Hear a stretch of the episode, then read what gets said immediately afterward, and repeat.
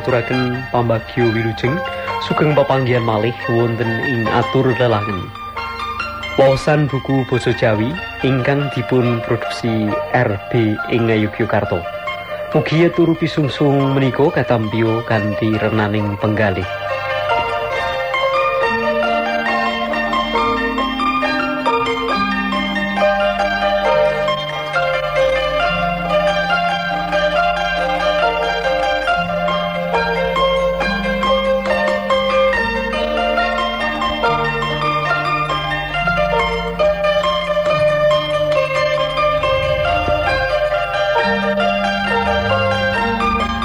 Samangke badhe ngaturaken sambeting cariyos. Kesrimpet Jaring Sutra. Anggitanipun Ardini Pangastuti, kapetik saking kulawarti Mekarsari. Ngaturaken seri ingkang angka 11 utawi tamat.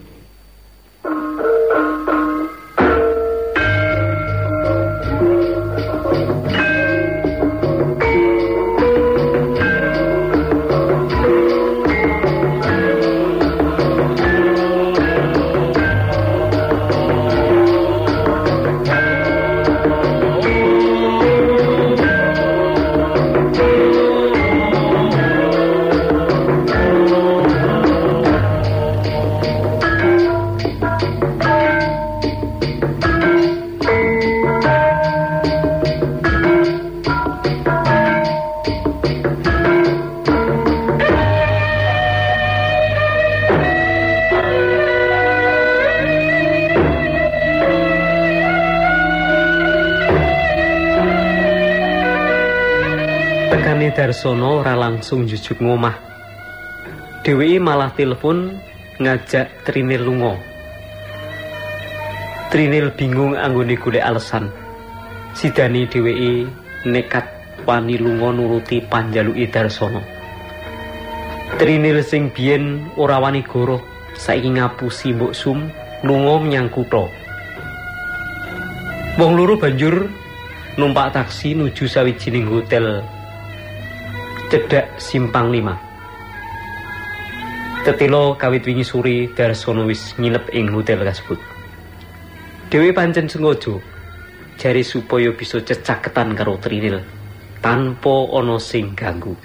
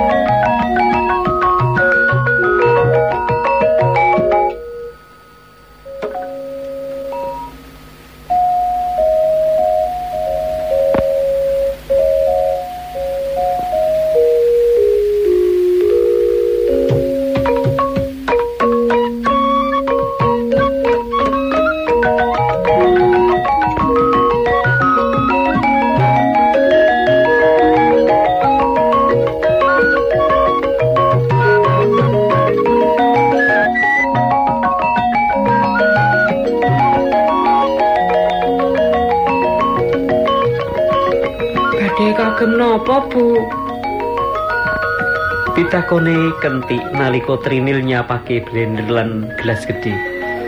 Gawe jus apel kok dengaren. Kang Mas Darsono. Oh. Ya Mbak rawuh to. Pitakone kentik mergo dheweke pancen ora weruh tekani. Mau lagi ibut ning kebon buri. Trinil mantuk banjur nerusake gaweane. Apel sing wis dicacah dilebokake blender. Sawise lembut banjur disuntak ana gelas gedhi. Tolong ya, Dik. Blender iku diasake. Ujari Trinil sadurunge nggawa gelas menggah. Nggih, Bu. Trinil wis ora ngrewes wangsulane kentik. Dheweke wis bablas munggah.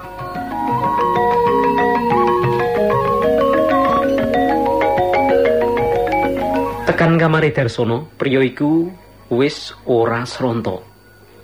Lagi wae gelas diselehake. Trinil langsung diruket, diarasi.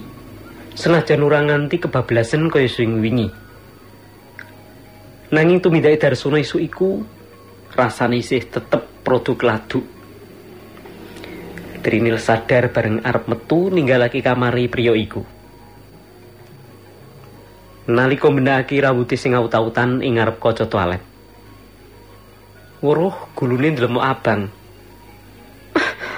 Mas, Setengah brabak Trinil nuduhake ana ngarepe Darsono.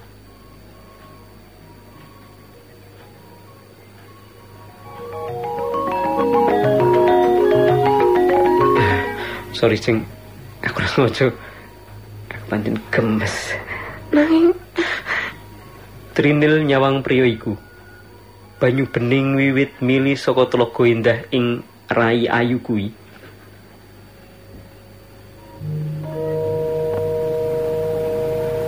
Masalah tilas kuwi kanggo Trinil pancen dudu perkara sepele. Trinil rasa kuatir. Terus aku tulus tekan telenging ati. Yen sisi amunsu utawa ora trimo, aku kan bakal tanggung jawab. Percaya marang aku, Ceng. Mas, aku di Lirih suarane Trinil karo ngrangkul priya iku. Nyendhekake sirahe ing dadane. Eh, percaya marang aku. Yen nganti ana apa-apa. Ora-orane yen aku bakal cidro ing janji. Tenan. Panglipure Darsono karo ngelus rambuté wanita kang banget ditresnani iku. Trinil ndengongok Ora ana tondo-tondo duru ing pasuryane priya pideksa iku. Dhewek banjur pamitan metu sawise ngelapi luwe nganti garing. Temenan. Masalah cupang iku bengine sida dadi gendro. Satemene maune karya ora ngerti lan yo ora cubriya apa-apa. Trinil dhewe cukup pinter nggone nutupi wewadiku kanthi nganggo klambi model gulun Shanghai. Sedhi wae ya Mbak Min kang menehi klambi iku. Tilas ing gulune iku ketara. Ketutup gulun klambi. Nanging karya sing weruh bojone nyenyandang seksi. Wah, nafsune dadi mubal. Senajan Trindil wis nulak kanthi alus, nanging karya tetep ora gelem ngerti. Lan sak banjure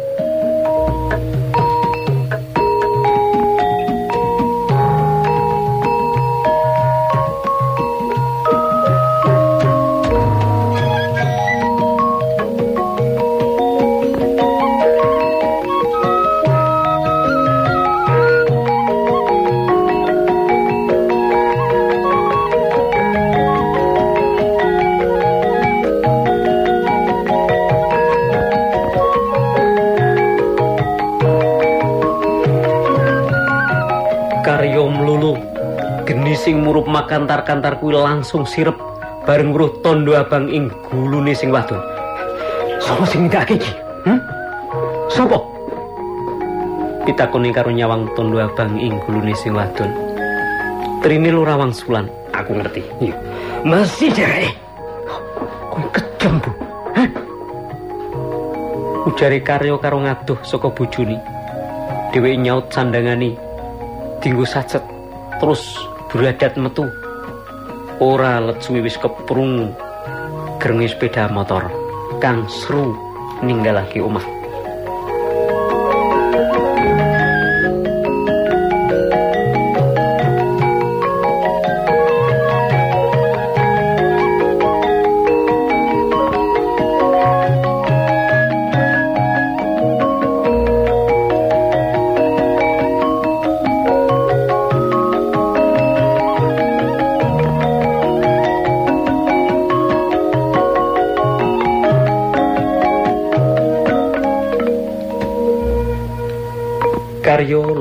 saparan-paran tanpa tujuan.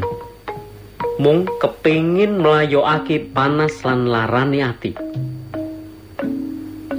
Pancen sore mau nalika bali saka nyambut gawe. Karyo weruh glibete Darsono ing loteng dhuwur. Ing teras ngarep kamare. Karyo ngerti yen Darsono seneng marang bojone. Nanging sedidik wae ora tau mampir ing pikirane. Yen Trinil uga gelem nglanggati Hedian iblis laknat. Donya pancen wis sedian apa sing ono pikirane bojoku sing lugu kuwi? Sing dhewe tega nyanati aku. Piswe karyo utah ing sadawane dalan. Pisuan sing mung rembuleng ing jero dadani ora nganti kelair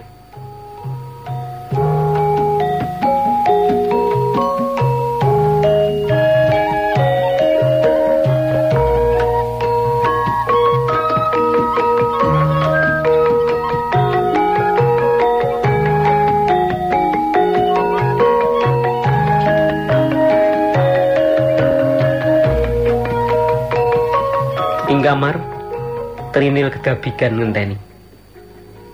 Nganti esuk karyo tetep ora bali. Awane ditakokake ing kantore, karyo uga ora ono. Dinteni nganti sore. Karyo uga tetep ora teko. Mung sepeda motore wae sing bali. Pak Menot sing bali.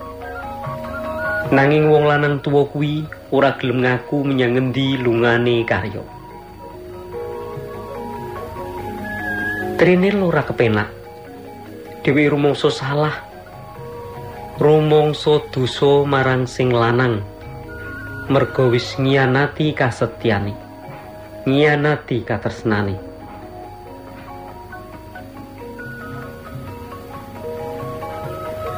Kelingan dek naliko awal-awal dhewe ketemu bojone. Kelingan naliko wong luru isih melarat biyen. Saben dina mlaku runtung-runtung menyang pasar wong luru yen ana gawean uga ditandangi wong luru senajan urip mung saro pas-pasan. Nanging bali somahe tansah ayem tentrem. Ora ana sing jenenge padu utawa gejegan banjur lahir saras. Bojone nandang kacilakan, nasibe dadi berubah drastis. Sakwise saras dipek anak angkat karo Pak Heru. Dewi wiwit ngenal kemewahan. Wiwit ngenal priya liya. Wiwit ngenal katresnan sing liya. Sing ora padha karo sing diwenehake dening bojone. Trinil ngakoni. Tekani Darsono ing omah kuwi pancen wis ndadekake uripe dadi beda. Saka wanita kang lugu lan polos bisa malih dadi pinter duro. Trinil ora nyilai. Atine wiwit kepikat marang priya iku. Nanging tetep ora bisa dipungkiri. Yen satemene dhewe uga isih nresnani sing lanang. Nresnani karya.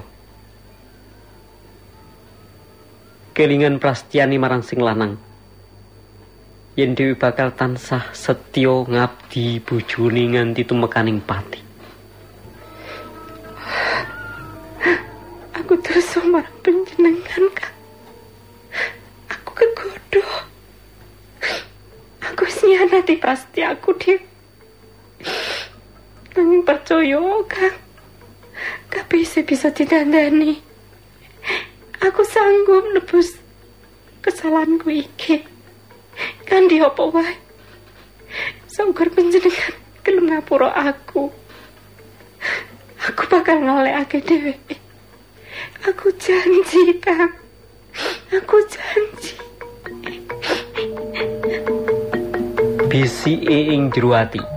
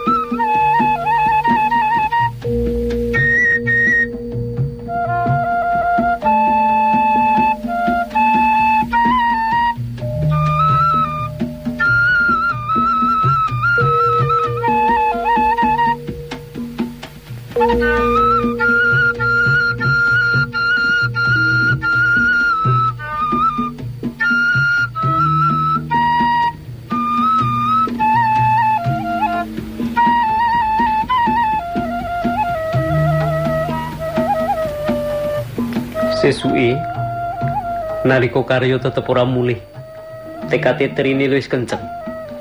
Dheweke arep goleki sing lanang. Trinil ngerti ing ngendi dheweke bisa nemokake bojone? Biasane yen ngepasi bunek utawa lagi mikir abot karya seneng tenguk-tenguk ing pinggir kali codi ngisor jembatan cedak omah kontrakane biyen Trinil arep njelasake sakabe. Uga rencanane kanggo nambah anak meneh kaya kang wis nate dikandhakake. Tabungane katone wis cukup yen kanggo tuku omah sederhana kaya rencanane sekawit. Muga-muga sing lanang bisa percaya yen antarane dhewe lan Darsono durung nganti mlangkah aduh. Mung sawates pemanasan tok. Yen sing lanang nganti ora percaya Trinil mung pasrah marang nasib pasrah marang Gusti kang murbeng dumadi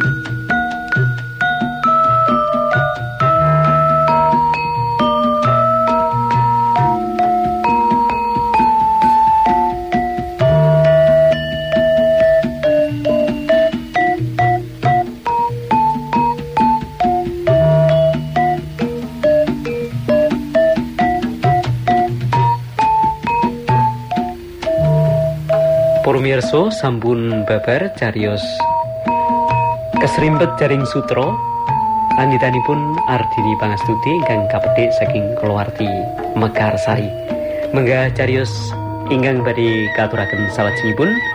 Inggih menika telo ketiga. Lanjutanipun Yes Ismi Surya Atmaja ingkang kapedik saking keluarti Joyo Boyo.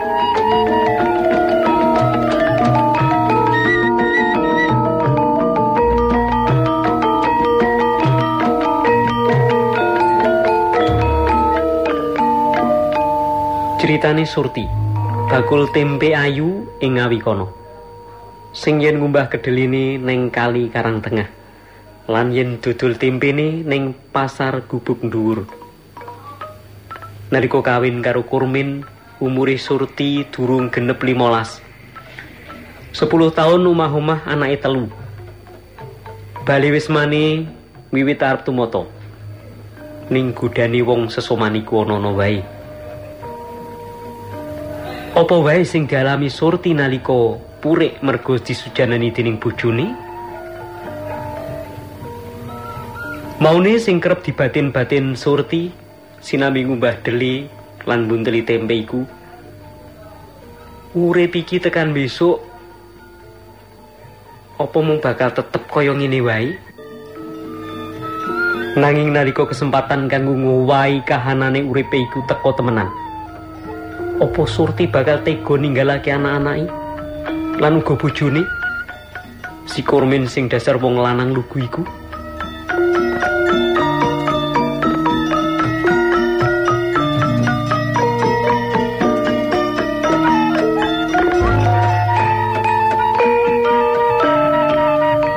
Wong lanang nganggo seragam perutani kae. Hmm? Sopo? Wong lanang sing endi to, Kak? Wong lanang ganteng, mosok kowe lali? Pancen sengaja nglali. Ulana sing biasa tuku tempemu saben dina. Sing sepeda motor Suzuki RC. Loh, kuwi rak Pak Kudori to, Kang? Lengenan tempene dhewe pancen. Mosok kowe cemburu, nyebut to, Kang, nyebut. Kayak ilok nek ngono kuwi. Lengganan ora urus. Karang tuku tempe nganggo potrek-potrekan barang. Ya ngono wae kok yo ora oleh to, Kang. Ora oleh. Ngono kuwi ora seneng tuku tempe tok jenenge. Ngene mlangkah kudori wis kaduan. Dek malah pengen tuku kowe pisan. Kang, nek mau mbok ditoto ora ngawur. Gak, aku gak ngawur. Kene mukir. Pak Kudori kuwi sopan. Basane malah alus. Kene malah mbok cemburoni. Yo bener. Bilanan kalau bilan monggo yo seneng kudori. Seneng karo Sakjane kowe kudu isin yen ngarani Pak Kudori duwe pokal ngono.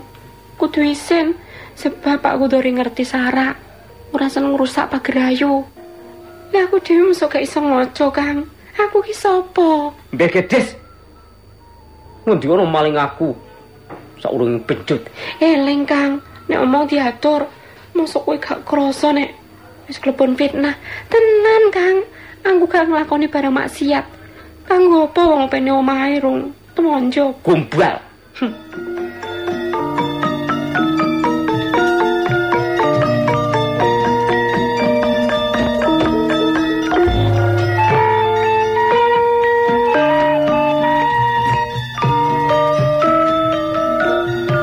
Surti terus nangis. Atine krasa pingget diujar-ujari sing lanang. Bareng wis rada asu, Dewi banjur mikir. Sopo kira-kira wong sing tega ngobong-ngobong iku? Teko kebangetan dene ana sing meri karo Bali Sumai kang sasuwene iki tansah tentrem. Apa pancen ana sing meri tenan? Ana sing seneng menawa rumah tanggane bubrah? Surti ora bisa nutukake pengangen-angeni. Mung bareng pikire saya bruwet, wadoniku malah banjur tumandang gawi. Kanthi mengkono, Surti kepengin ngilangi barang-barang kang bruwet iku. Bubar mungkusi tempe, Surti banjur nyapu. Sorene nalika anak-anake teko, langsung didusi. Nanging ya iku. Bareng sakabeh mungkur, pikiran bruwet tetep ngembangi pikiran. Apa maneh sawise banting lawang, Kurmin ora ana bali. Diinteni nganti bengi, nganti wayah bocah-bocah mapan turu. Kurmin tetep durung katon irungi.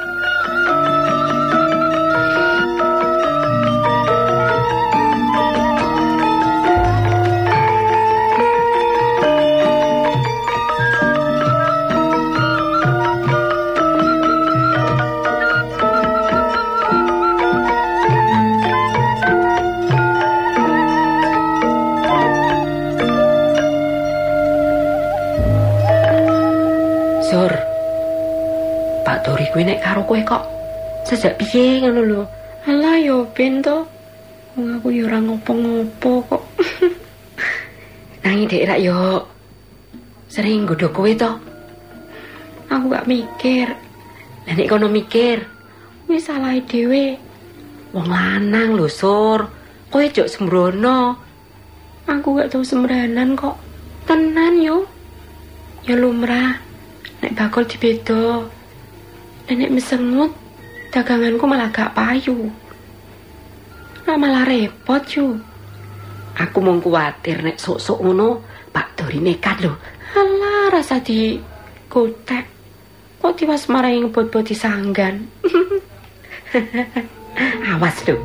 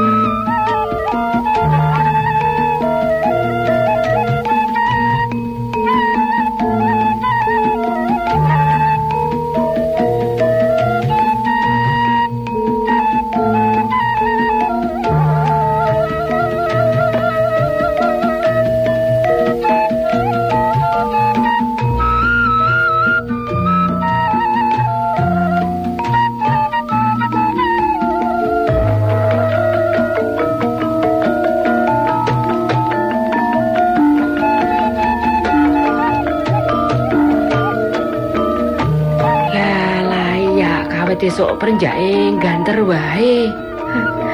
Ora ngerti yo nek ponakanku sing ayu teko tilik. Eh, piye, Nduk? Piye kabare ngomah Karang Tengah? Lah ya padha wilujeng to? Pangestu mulih kabeh padha waras. Ora enek sing gerah ngelu. Oh, syukur nek ngono. kene kene. Yo, yen ngono syukur pancah pinaringan kawilujengan dening Gusti. Kok kadingaren? Kowe eling mbok, Lik? Hmm? Demolek terus ngono.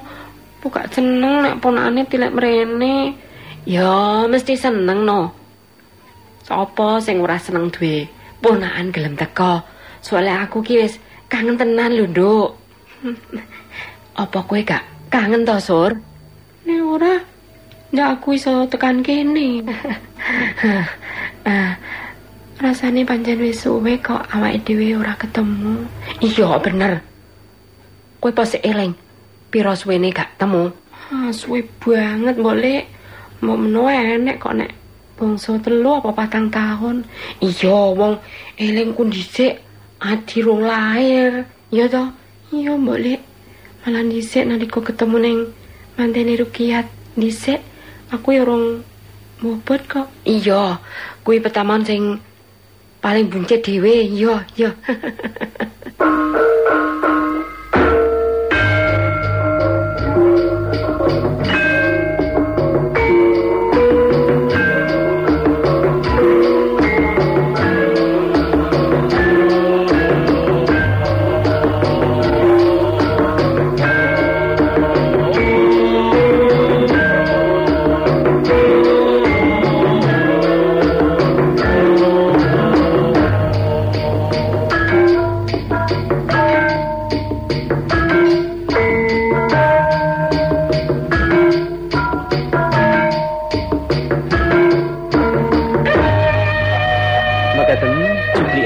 saking Carios Telo ketigo Alitanipun Yes Ismi Soyat Maja ingkang badhe katuraken wonten ing atur waosan buku basa Jawi wonten ing seri-seri salajengipun.